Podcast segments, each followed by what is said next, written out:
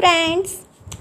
This is Akanksha Agrawal releasing her first podcast tonight means stepping into the world of podcast.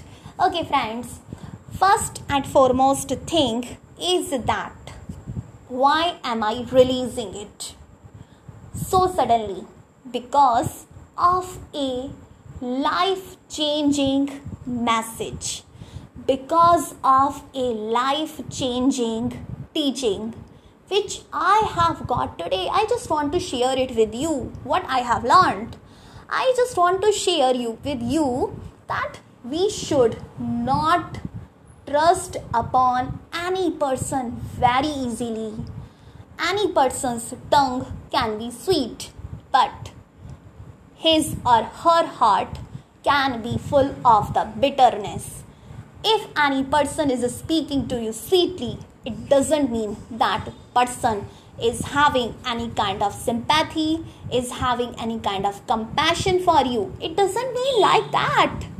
Okay, the next thing I just want to share it uh, with you that if you find that any person is not judging you correctly, any person is not interpreting you correctly, if any person misinterprets you, it means that it is the end of that conversation. It means that it is the end of that relationship. You can't you can't stretch it out. Okay. The third thing which I want to discuss with you that don't forget your own recognition. Don't forget. If any person is disapproving your recognition if any person is saying that you are not this it doesn't mean that you will you will believe upon him or her. It doesn't mean that you will follow that person's words. It doesn't mean like this. If you are doing it means that you are just doing the injustice with you.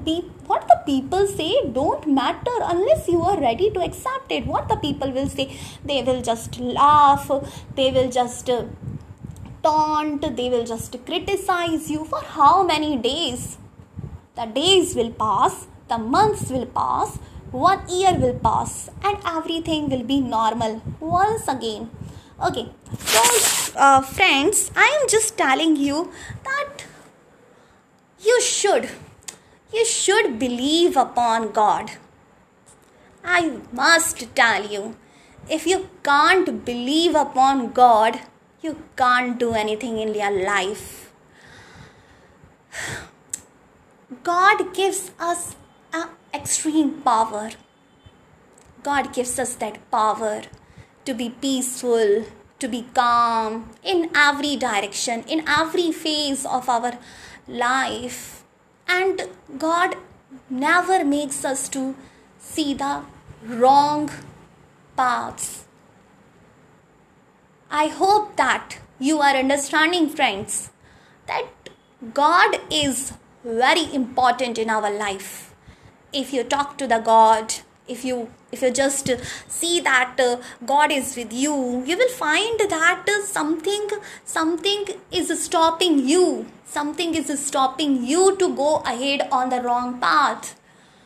Okay so you will get the intuition that something is wrong here. Something is wrong. And if you don't follow the God, if you don't follow upon God, it means that you are a loser. You are just a loser.